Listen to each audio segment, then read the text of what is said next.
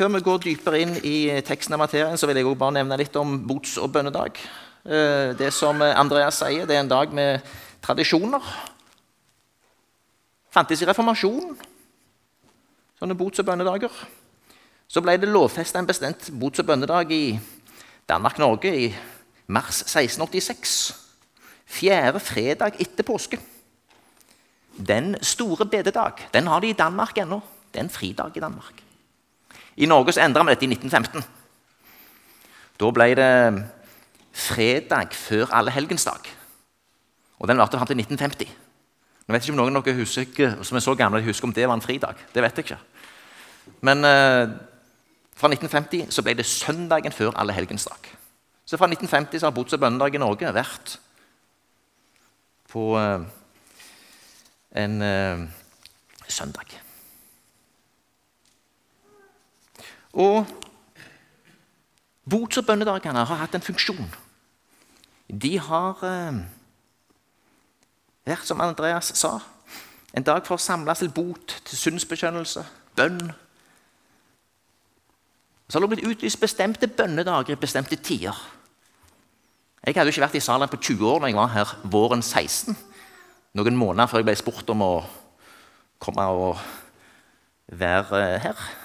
Det var interessant, for da var jeg her og fortalte om kong, kong Georg, som utlyste en nasjonal bønnedag i forbindelse med en krise i landet. Det var krig. og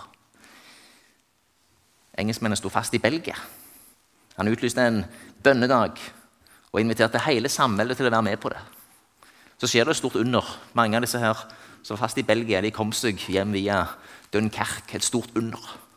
Ikke så mange etterpå husker koblingen mellom bønnedagen og det som skjedde. Sånn er det ofte. Vi glemmer Guds velsignelser og Guds bønnesvar. Abraham Lincoln gjorde noe av det samme. Under borgerkrigen så utlyste han en eh, dag til bønn og faste. Så sier han bl.a.: Vi eh, vi har vokst i antall, rikdom og makt som ingen annen nasjon har vokst, men vi har glemt Gud. Vi har glemt den nådige hånd som ga oss fred, utvikla og styrka oss. Dette er det jeg tenker bots- og bønnedag er. Det er en anledning til å besinne seg, bekjenne synd og bekjenne vår likegyldighet, at vi så ofte glemmer Gud, og søke Han i sann bot og be Gud om å ransake oss.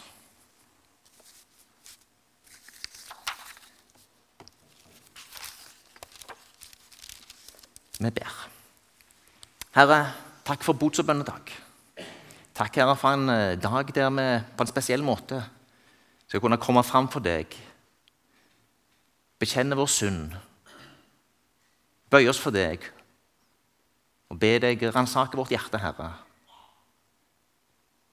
Ber om at du eh, åpner hjertene våre for det du har å dele. Be, Herre, om at du gir meg ordene jeg skal tale. Amen. Vi leser sammen eh, i Lukasevangeliet, kapittel eh, 18, versene 9 til 14. En annen lignelse fortalte han til noen som stolte på at alt sto rett til med dem, og så ned på andre. To menn gikk opp til tempelet for å be. Den ene var fariseer, og den andre toller. Fariseerne stilte seg opp og ba slik.: Gud, jeg takker deg for at jeg ikke er som andre mennesker, som snyter, gjør urett og bryter ekteskapet. Eller som den tolleren der. Jeg faster to ganger i uken og gir tienderen alt jeg tjener. Tolleren sto langt nede og ville ikke engang løfte blikket mot himmelen, men slo seg for brystet og sa, Gud, vær meg synder nådig. Jeg sier dere, tolleren gikk hjem rettferdig for Gud, den andre ikke. For den som setter seg selv høyt, skal settes lavt, og den som setter seg selv lavt, skal settes høyt. Det er en eh, tankevekkende og alvorlig tekst. Eh,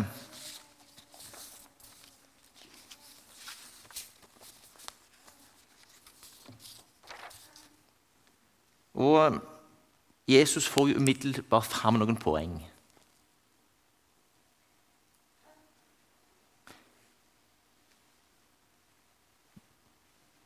Jesus har altså sett noen som eh, stolte på at alt sto rett til med den, og så ned på andre.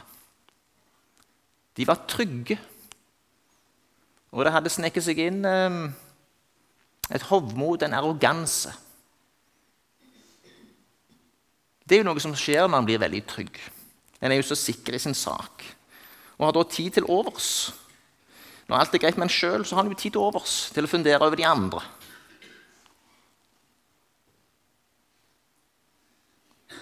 Fariseeren stiller seg altså opp, antagelig litt for seg sjøl. Han trenger jo ingen andre. Han takker Gud egentlig for sin egen prektighet. At han ikke er som andre mennesker. Det er litt av ei bønn. Takk, Gud, at jeg ikke er som andre mennesker.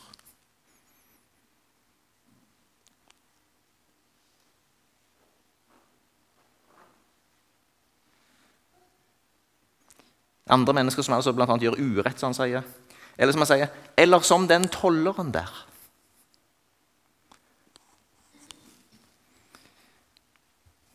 Jesus har jo åpenbart dratt litt på her. Hæ? Takker for at han ikke er som andre mennesker.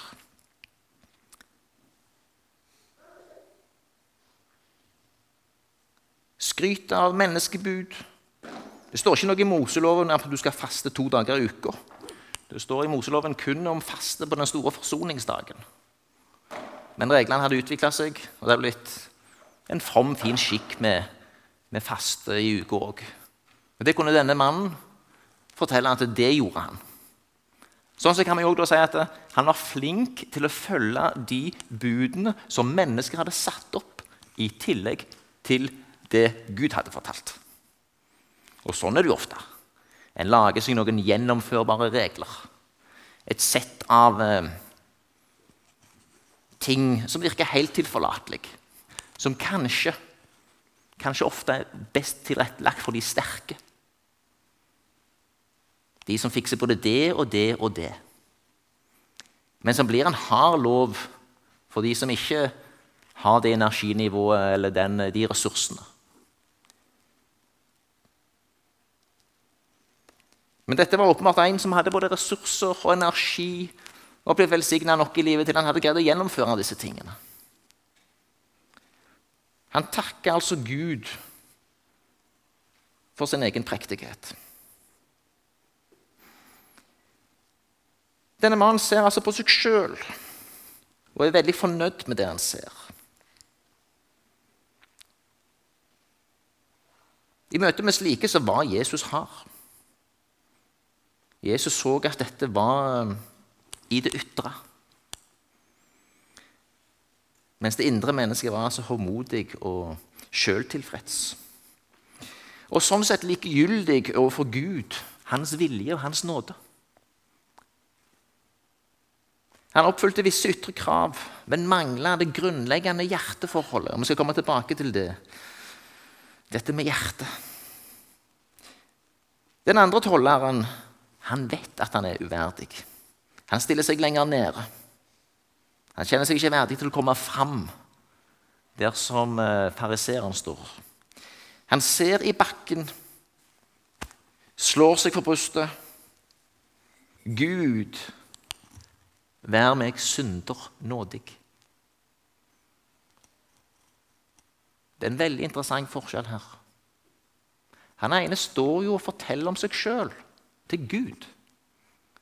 Det kan vel så vidt kalles ei bønn, selv om Jesus sier at han ba. Men han kommer seg fram for Gud og forteller om seg sjøl. Tolleren derimot, han vender seg til Gud og sier, 'Gud, vær meg synder nådig.' Han vet at det er Gud som må være nådig. Han vet at det er Gud han må venne seg til. Han vet at det er bare hos Gud dette kan ordnes opp i, ikke hos han sjøl.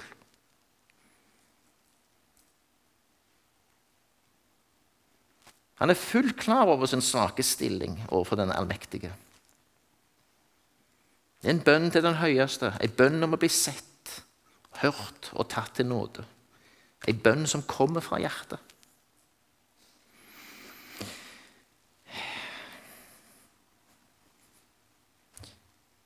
En parallell til fariseeren og hans holdning det finner vi hos menigheten i Laudikea. Åpenbaringen 3, 14-20. Skriv til engelen for menigheten i Laudikea. Dette sier han som er Ammen, det trofaste og sannferdige vitne, opphavet til Guds skaperverk. Jeg vet om dine gjerninger. Du er verken kald eller varm. Hadde du bare vært kald eller varm, men du er lunken, ikke kald og ikke varm. Derfor vil jeg spytte deg ut av min munn. Jeg er rik, sier du. Jeg har overflod og mangler ingenting. Men du vet ikke at nettopp du er elendig og ynkelig, blind, fattig og naken. Derfor gir jeg deg det råd at du kjøper gull av meg, lutret i ild, så du kan bli rik, og hvite klær som du kan kle deg med, og skjule din nakne skam, og salve til å ha på øynene dine, så du kan se. Alle som jeg har kjær, dem refser og tukter jeg. La det bli alvor og vend om. Se, jeg står for døren og banker. Om noen hører min røst og åpner døren, da vil jeg gå inn til ham og holde måltid. Jeg med ham og han med meg. Jeg tror dere eh, det som Jesus her sier til menigheten i Laudikea, gjør at vi fort kan se at vi har mer til likhet med fariseeren mange ganger enn vi ønsker å erkjenne. Vår lunkenhet, vår delte sinn, som trekker i oss på så mange vis, gjør oss eh, rett som det er mer interessert i å snakke til Gud og fortelle til Gud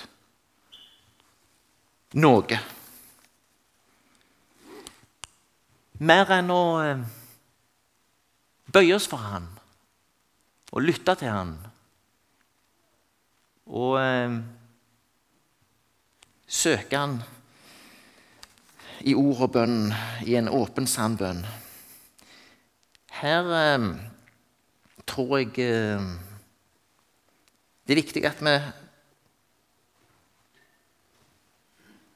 sier som salmisten, ransak meg, Gud, og kjenn mitt hjerte. Prøv meg og kjenn mine tanker. Se om jeg er på den onde vei, og led meg på evighetens vei.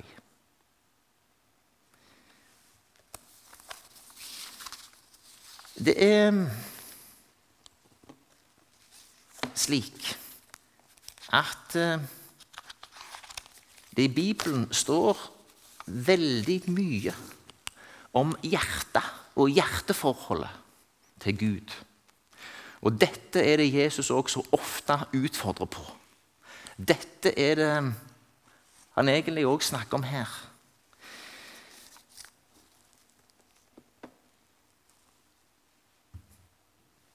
Um, det er fort sånn at uh, vi, vi, tenker som fariseeren. Ja, men det er jo fint. I det ytre så er det jo greit. Og når det er greit i det ytre, så er det jo greit. For de andre mener jo òg det. De ser jo på meg og ser at jeg er en fin kar eller god dame og får ting til. Og så kan vi takke for det. Eh, men eh, det er jo sånn da at uh, Jesus går lenger enn å si at det skal være ok på det ytre plan. Han uh, er opptatt av uh, hvordan det egentlig står til med oss. Andre krønikebok 16,9. I 1930-oversettelsen. For Herrens øyne farer over all jorden, for at han med sin kraft kan støtte dem hvis hjertet er helt med ham. Han ville støtte de hvis hjertet er helt med ham. Og dette er liksom eh, de viktige tingene. For slaktoffer ønsker du ikke. Kommer jeg med brennoffer, vil du ikke ha det. Nei, offer for Gud er en knust ånd. Et hjerte som er brutt og knust, ringeakter ikke du Gud.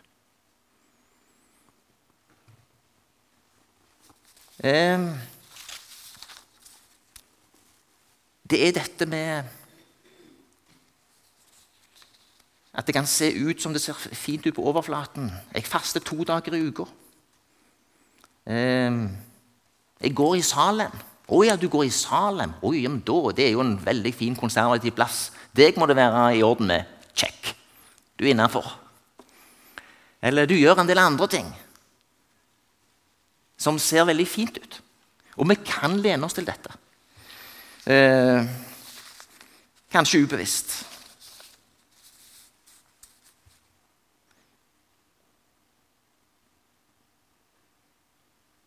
Nei, offer for Gud er en knust ånd. Og det er her vi må be som David Skap et rent hjerte i meg, Gud, gi meg en ny og stø ånd. Det går altså på at vi ikke stoler på vårt ytre, men at vi har det forholdet til Gud som tolleren hadde, som altså er Gud Vær meg synder nådig. Jeg erkjenner at jeg trenger deg. Jeg vet at det ikke er noe hos meg som eh, kan komme til deg av seg sjøl. Jeg kan kun komme til deg ved Jesus Kristus. Herre, skap i meg en ny ånd. Skap i meg eh, en tillit til et ord, en iver for deg. En sann iver. Et nytt sinn.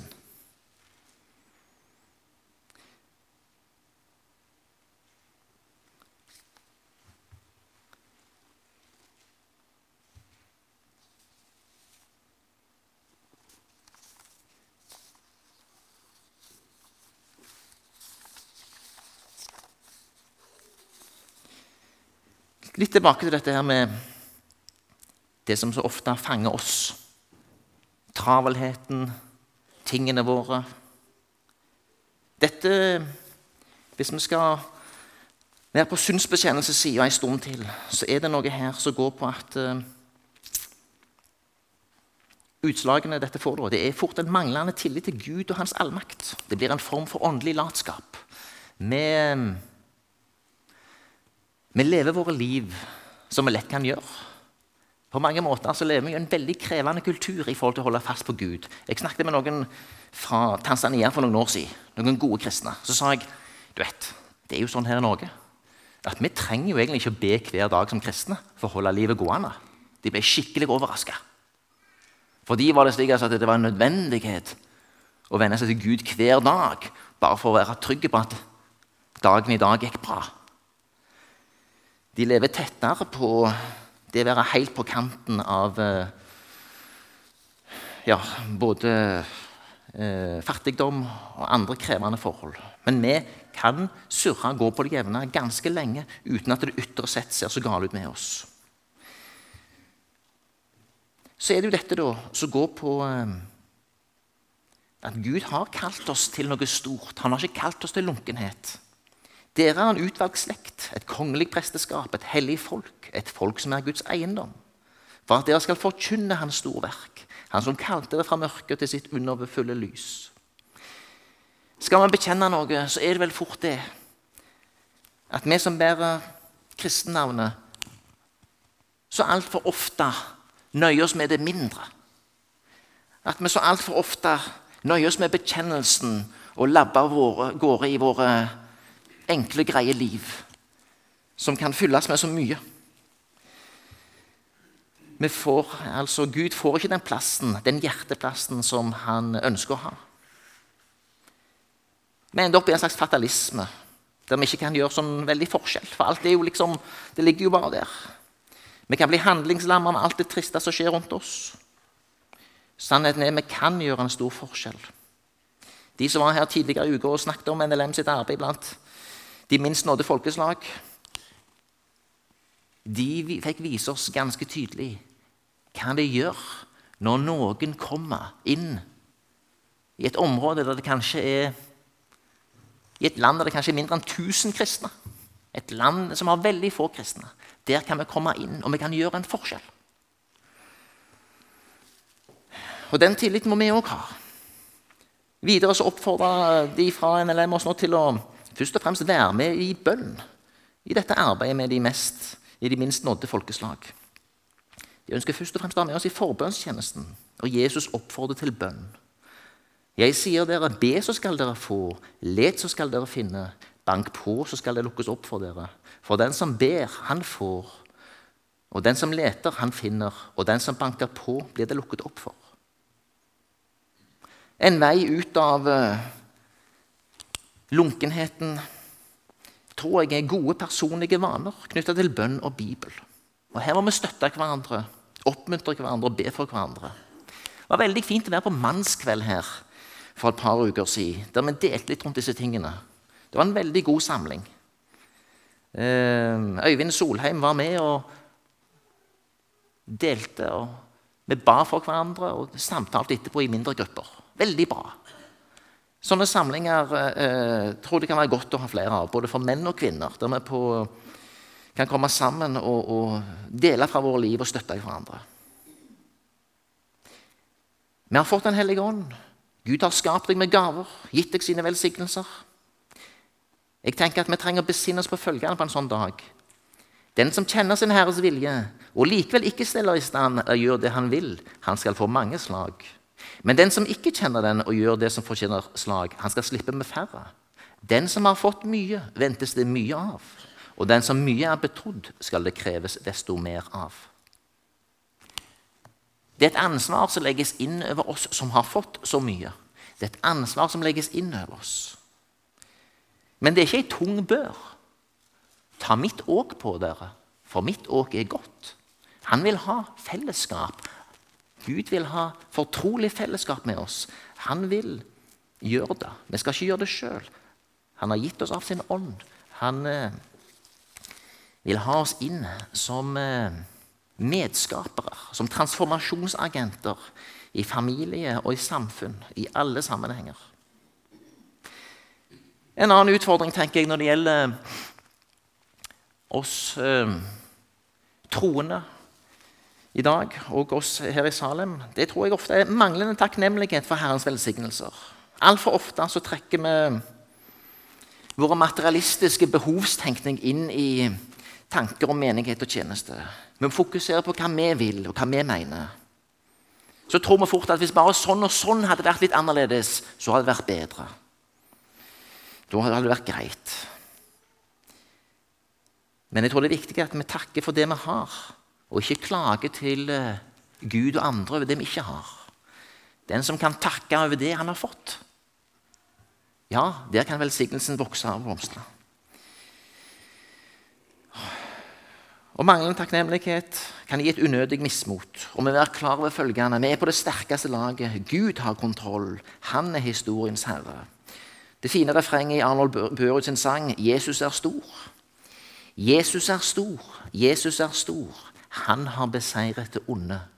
Ja, det er kraft i hans ord. Jesus Kristus er stor. Jeg tenker at det vi som eh, kristne i dag trenger å gjøre, det er å eh, erkjenne at det finnes likheter mellom oss og fariseeren. At det finnes likheter mellom oss og menigheten i Laudikea. At vi så fort slår oss til ro med at det ytre er ok.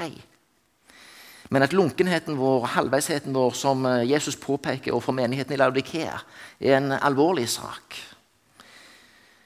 Eh, som får følger med manglende tillit til Gud og det han kan gjøre gjennom deg og meg. Eh, manglende takknemlighet over det Gud har gjort i livet ditt, og et unødig mismot. La oss bøye oss for Gud og bekjenne dette. Og erkjenne at vi nok en gang må venne oss til Han, som er den sterkeste. La oss komme fram for Gud på ny og be Han rense oss. Ta dette fra oss. Og gjøre uh, mer av det som Ole Lilleheim snakket om sist søndag. Ja, erfare at vi blir rensa, at vi blir fornya, selv om det kan av og til kjennes smertefullt. Esekiel 36, 26. Jeg vil gi dere et nytt hjerte og la dere få en ny ånd inni dere. Det er det vi trenger. Et nytt sinn. Hjertet må forvandles. Og dette er et åndens verk. Ordspråkene 1.23. Vend dere hit når jeg refser, så lar jeg min ånd strømme ut over dere og gi dere kjennskap til mitt ord. Vend dere hit når jeg refser, så lar jeg min ånd strømme ut over dere og gir dere kjennskap til mitt ord. Hebreerne 8,10. Nei, slik er den pakten jeg vil slutte med Israels ett i de dager, sier Herren.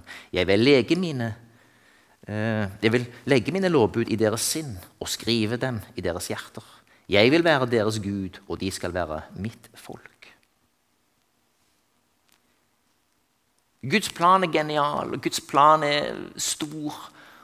Og I Bibelen så finner vi lag på lag av fortellinger som viser at han jobber med oss. Han jobber med den enkelte hele sitt liv. Vi kan òg nesten se på israelsfolket og den vandring som de gikk gjennom, som en stadig uh, utvikling nærmere Gud. Vi ser det bl.a. i ørkenvandringen, hvordan de er umodne. De har fått sett Guds under, men allikevel så sutrer de stadig når ting går de imot. Dette er på mange måter en, en umodenhet der vi kan lære noe med òg. At selv om motgang møter, så er det ikke Gud eh, som, som eh, vi skal klage til, men vi skal kunne venne oss til Han og ha tillit til at Hans plan er den beste, og ha tillit til at Han vil ordne opp.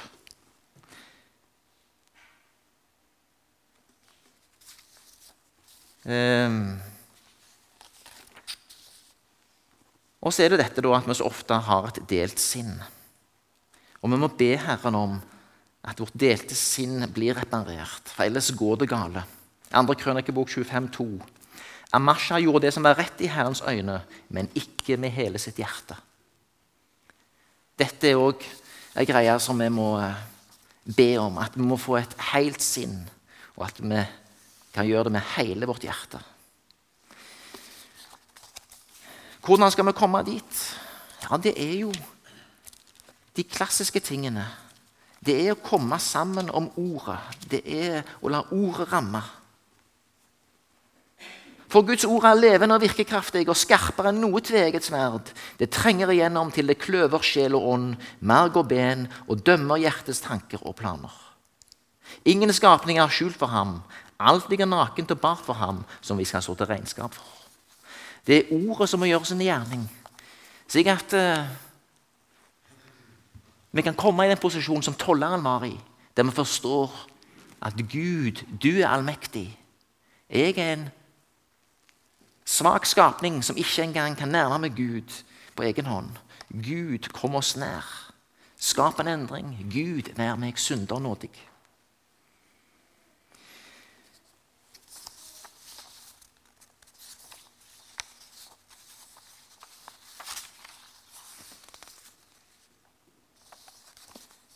Jesaja 57, 14-19. Det lød et ord.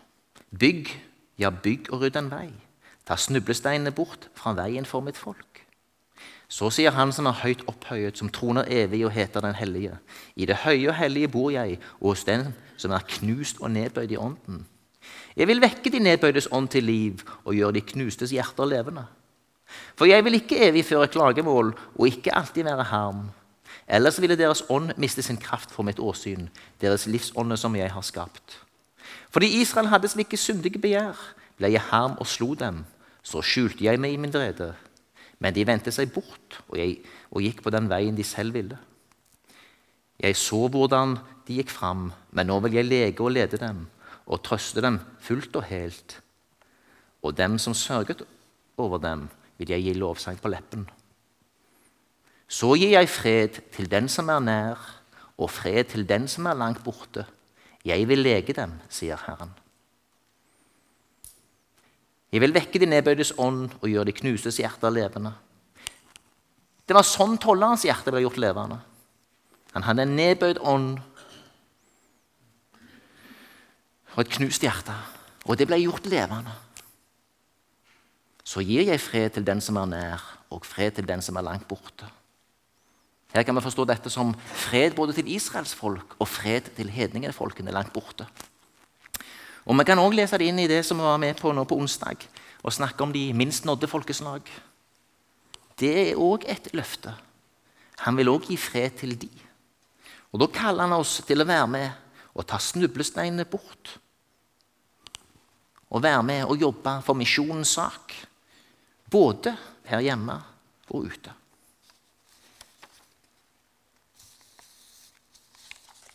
Vi har fått mye. Det gjelder å eh, forvalte det godt. Det gjelder å eh, la oss fornyes i sinnet.